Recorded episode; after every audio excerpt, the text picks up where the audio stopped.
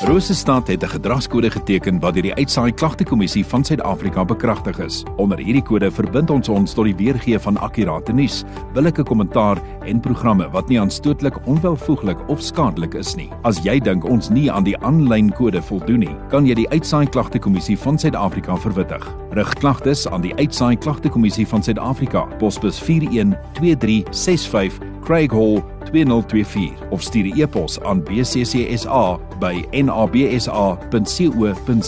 Vir verdere inligting, besoek www.bccsa.co.za.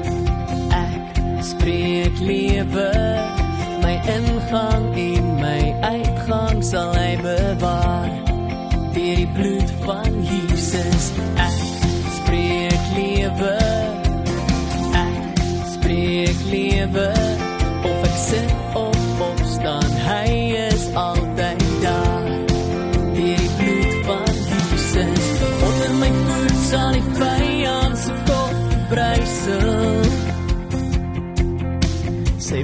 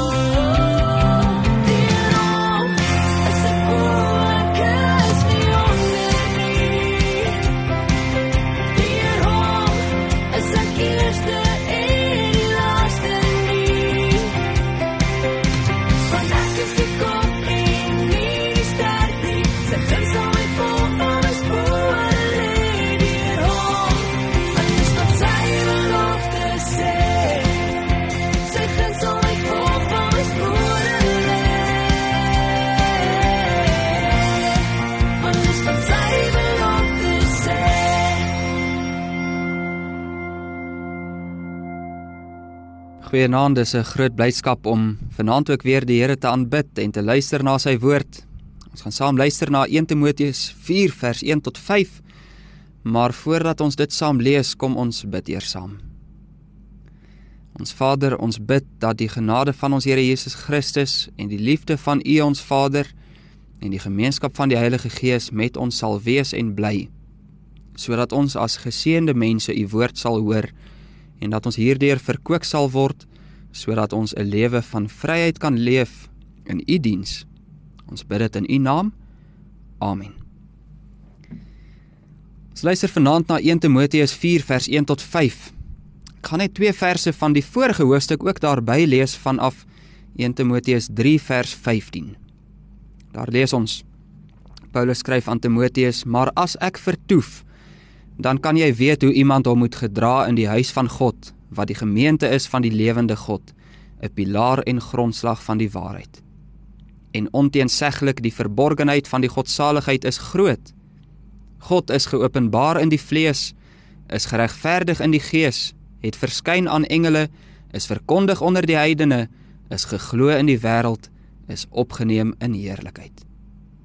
En dan begin hoofstuk 4 waarop ons in besonder gaan aandag gee vanoggend vanaand. Maar die Gees sê uitdruklik dat in die laaste tye sommige van die geloof afvallig sal word en verleidende geeste en leringe van duiwels sal aanhang deur die gefeinstheid van leenaars wat gebrandmerk is in hulle eie gewete wat verbied om te trou en gebied dat die mense hulle moet onthou van voedsel wat God geskaap het om met danksegging te gebruik deur die gelowiges en die wat die waarheid ken. Want alles wat deur God geskape is, is goed en niks is verwerplik as dit met danksegging ontvang word nie, want dit word geheilig deur die woord van God en die gebed. Die lewe in Christus is 'n lewe wat geken word aan stryd. 'n Stryd wat elke liewe Christen in sy binneste ken, die stryd tussen die vlees en die gees, tussen die ou mens wat onderwerp is aan sonde en die nuwe mens wat onderwerp is aan Christus. Nou hierdie brief van Paulus aan jong predikant Timoteus is 'n brief vol van stryd. Hy skryf oor die kerk waarvan ons daar gehoor het in die vorige hoofstuk. Die kerk is 'n huis van God, die gemeente van die lewende God, 'n pilaar en grondslag van die waarheid. Dis wat ons moet wees. En aan eindig hoofstuk 3 met 'n kort maar 'n heerlike loflied oor hierdie waarheid van wie Jesus Christus is. Dis wonderlik, daar word oor hom gesing en gejubel. En dan kom hoofstuk 4 en tref amper soos koue water in die gesig. Die hoofstuk begin met maar. Hier kom 'n teenstelling, 'n stryd teenoor die kerk as pilaar van waarheid en teenoor hierdie loflied oor Christus moet ons gewaarsku word teen vyande wat die aandag hiervan aftrek. Stryd tussen vlees en gees. Die vyand waarvan ons hier lees is miskien nie die vyand wat ons sou verwag nie. As ons hoor van stryd tussen vlees en gees, dan dink ons baie dikwels aan uiterstes. Onder die vlees dink ons vinnig aan die grouwe goddelooshede wat ons rondom ons sien. Losbandigheid en satanisme en noem maar op, sou die lys kon langer maak en op heelwat plekke in die skrif word hierdie vyand inderdaad ook aangespreek. En tog is dit nie die vyand waaroor Paulus hier vir Timoteus waarsku nie. Die vyand hier is een wat mens minder verwag, een wat selfs heilig voorkom, maar nogtans 'n vyand met stryd. En 'n vyand wat nie net rondom ons weggesteek sit nie, maar dikwels in onsself. 'n vyand wat ons wil wegkeer van die vryheid wat ons in Jesus Christus alleen ontvang het. En dis hierna dat ons vanaand luister na die Christelike lewe van heilige vryheid. En oor hierdie lewe van heilige vryheid hoor ons hoe hierdie vryheid aangeval word, maar ook hoe ons met 'n groot erns hierdie vryheid moet beskerm. Nou as Paulus oor hierdie aanval op ons vryheid aan Timoteus skryf, dan doen hy die grootste moeite om te sê hierdie is nie maar 'n persoonlike besorgdheid wat hy as mens het nie. Inteendeel ons lees die Gees sê uitdruklik dat in die laaste tye sommige van die geloof afvallig sal word. Die Gees het dit aan Paulus geopenbaar. En vandag sê die Gees niks anders nie. Hy praat met ons helder en duidelik uit die Bybel en hy waarsku ons waar ons sit oor mense wat van die geloof afvallig sal word. Dit druk vir ons die erns van die saak uit. Hierdie is nie so seer 'n waarskuwing aan mense buite die kerk waaroor dit gaan nie. Dit gaan oor mense in die kerk wat nie van die geloof afvallig moet word nie, maar wat standvastig moet bly staan. Want dit gebeur dat mense afvallig word. En dit gebeur baie skelm. Afvalligheid is nie iets wat gebeur dat jy net een oggend opstaan en jy is ewe skielik afvallig nie.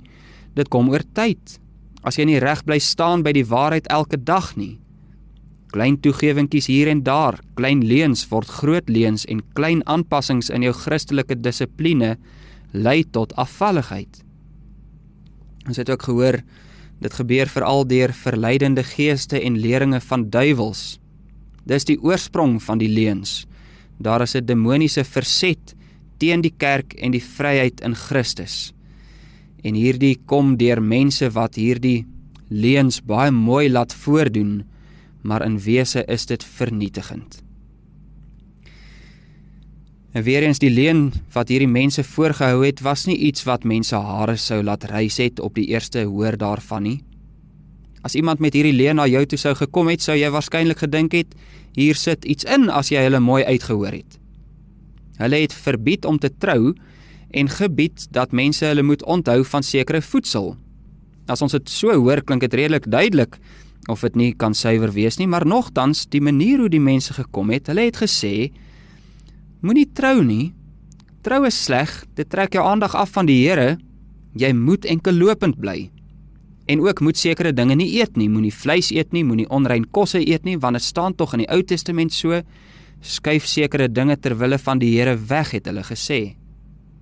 En dit kom amper baie vroom voor. En ons moet hier sê op sigself is dit nie verkeerd om nie te trou of om nie sekere dinge te eet nie. Paulus wat hier skryf kon homself immers in beide hierdie kategorieë vind. Hy self was nooit getroud nie.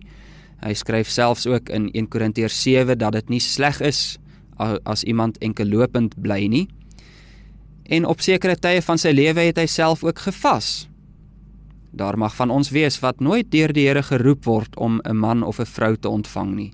Daar kan ook van ons wees wat weens sekere redes sekere dinge nie kan of moet eet of drink nie. Maar wat is die probleem hier? Hierdie mense sê trou is in sy wese verkeerd. En sekere kos is verkeerd bloot oor wat dit is. Daarom mag niemand trou nie en daarom mag niemand sekere dinge eet nie. Hulle dink dis 'n reël uit wat vir alle mense geld wat die Here nooit gegee het nie. Hulle sê dinge is verkeerd wat God nooit gesê het verkeerd is nie. Hulle lê 'n las op mense wat God nie lê nie. Maar dit gaan ook dieper. Want agter hierdie optrede lê 'n diep gewortelde leuen. Dit werk altyd so, agter 'n verkeerde lewe lê daar 'n verkeerde leer. En solank die dwaalleer nie ontmasker word nie, gaan die lewe nie verander word nie. Hierdie mense het gemeen daar is 'n totale skeiding tussen die fisiese en die geestelike. 'n botsing tussen die liggaam en die siel.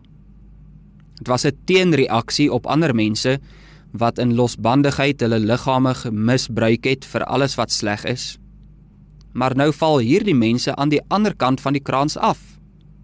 Hierdie mense sê die liggaam is in sy wese sleg en alles wat liggaamlik of materieel is, is in sy wese sleg. Dis hoekom hulle sê jy mag nie trou nie. Want wat is deel van die huwelik? ook die liggaamlike een wees van man en vrou. En daarom ook dat hulle gesê het jy mag sekere dinge nie eet nie, want jy mag net nie vreugde vind in die kos voor jou nie. Bly weg van dit en bly weg van dat. Agter hierdie gedagtes moet ons egter sien hoe diep die wortels van die leuen indrys teen die evangelie van Jesus Christus en hoe baie daar vir ons hierin op die spel is. Daarom dat die Gees homself so hierteen uitspreek. Eerstens, dit is so verkeerd oor die rede wat ons verder in vers 3 lees. Hierdie mense verbied sekere dinge wat God geskaap het om met danksegging gebruik te word deur die gelowiges en die wat die waarheid ken. Ja, as dit so geskryf word, word ons aan die hand teruggevat heel na die begin van die Bybel toe in Genesis 1 as mens daar lees van die skepping. Na elke dag het God oor elke ding gesê dit is goed. Die plante was goed, die diere was goed, die water was goed en die grond en alles dit was goed. En ook die huwelik was goed. God het dit gegee juis vir die gelowiges om met danksegging te gebruik. En wie sal dan durf sê dat dit wat God goed gemaak het nie goed is nie? Wie sal sê trou is op sigself sonde as God die huwelik ingestel het? Wie sal sê eet is op sigself sonde as God kos vir die mens geskep het? En dit gaan nog dieper.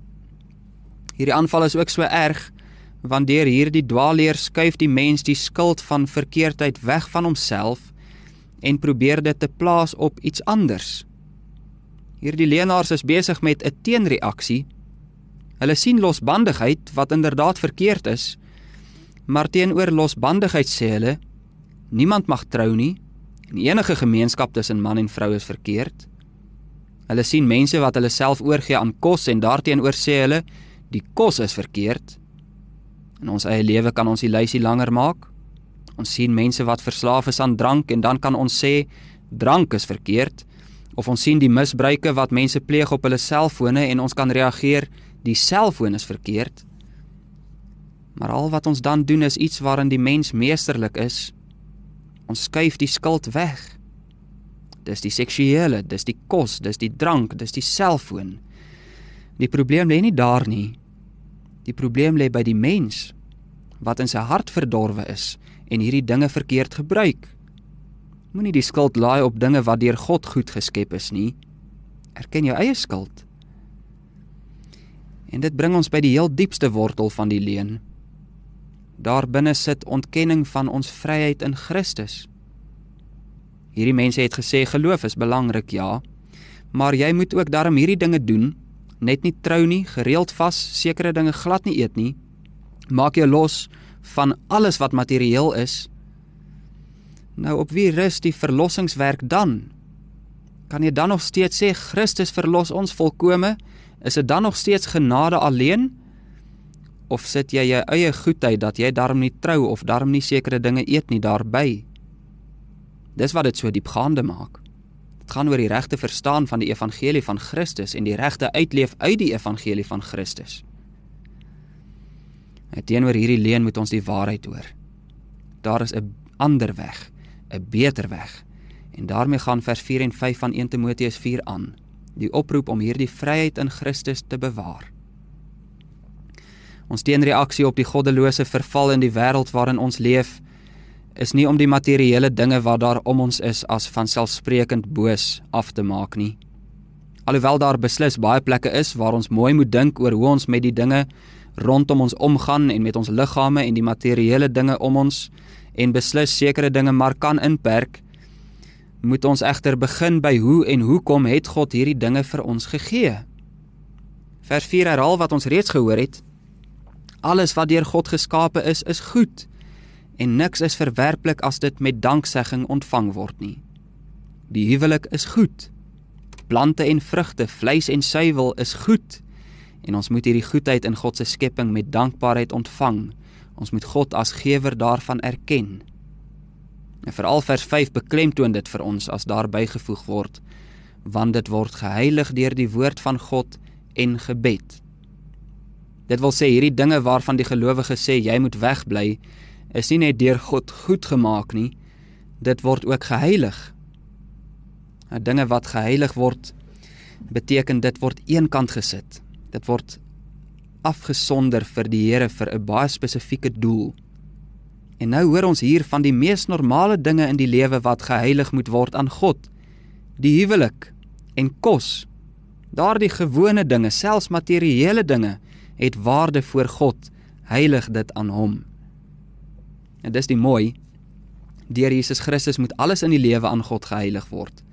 Selfs die mees eenvoudige dinge waaraan ons kan dink, die huwelik en wat ons eet, ja, maar maak die lys gerus langer.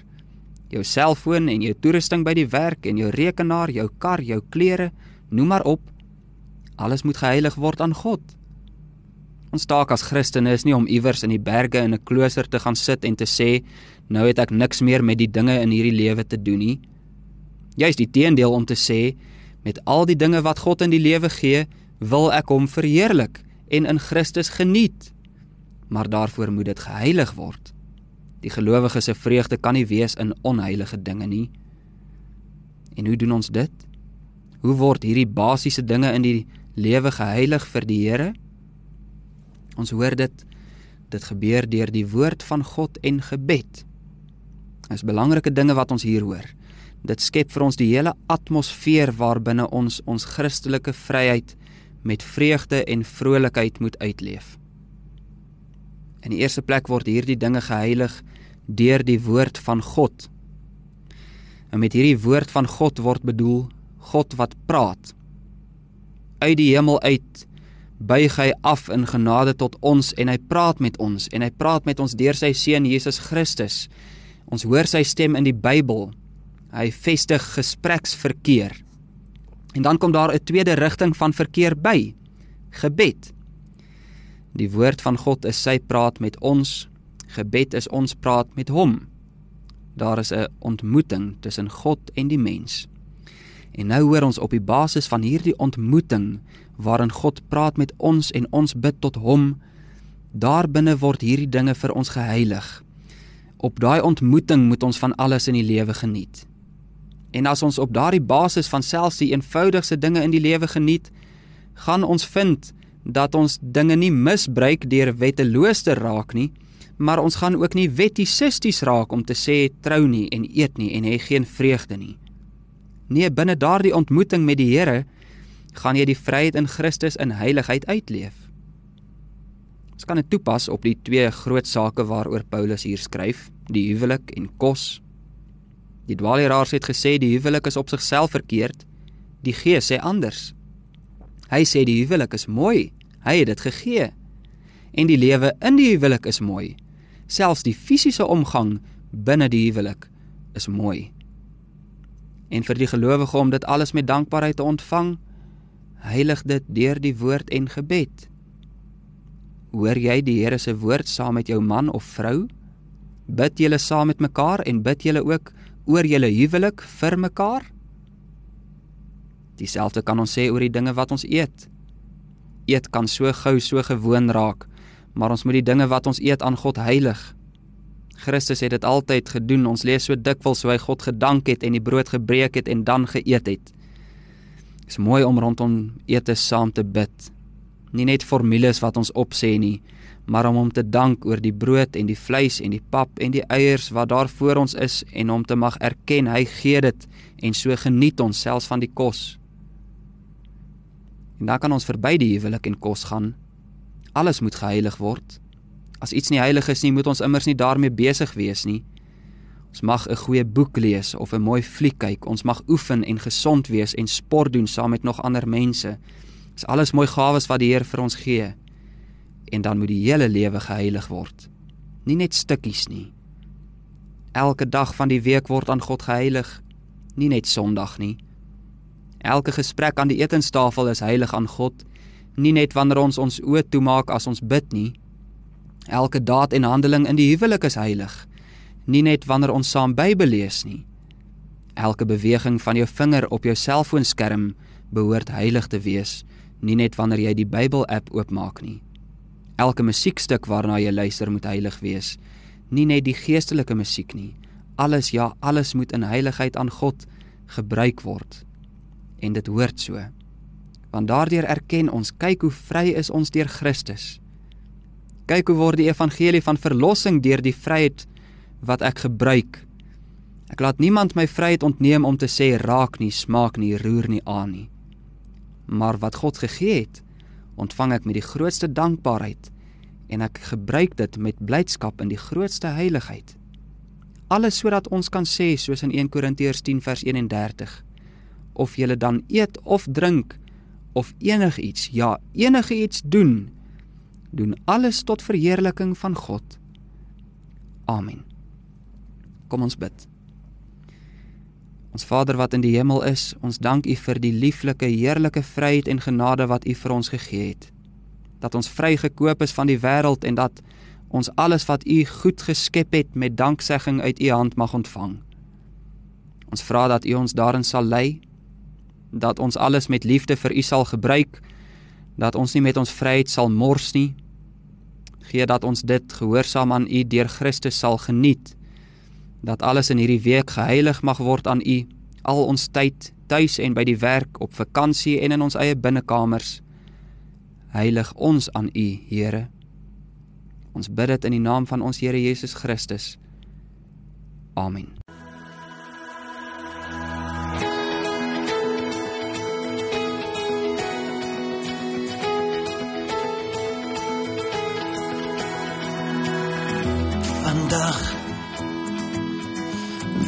Dra my las. Weet ek dit is die dag wat die Here geskape het. As ek wag, weet ek hy gee nie verkrag. En weet ek dit is sy mag wat die vyand verower het.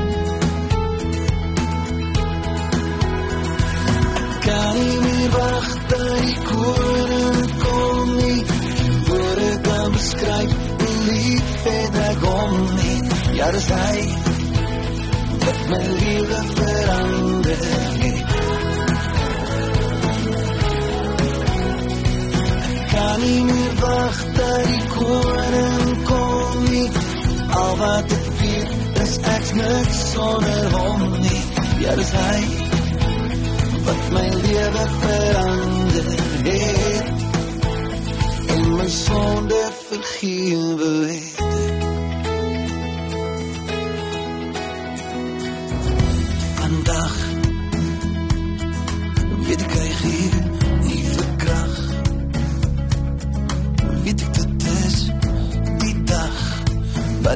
Geskape het. kan nie meer wag dat die koning kom nie. Woorde kan beskryf hoe lief het ek hom nie. Ja, dis hy wat my lewe verander het. Ek kan nie meer wag dat die Al wat ek weet is ek niks sonder hom nie Ja, dis hy wat my lewe verander het en my sonde vergewe het.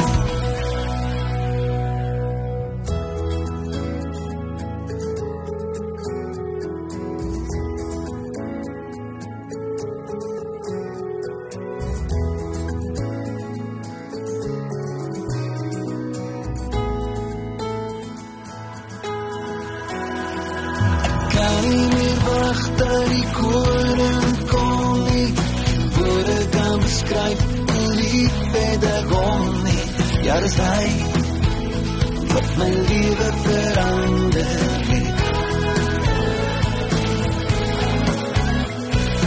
Kan nie meer wag dat die koning kom nie. Al wat ek weet is ek niks sonder hom nie. Ja, dis hy wat my lewe verander het. En my sonde vergewe het.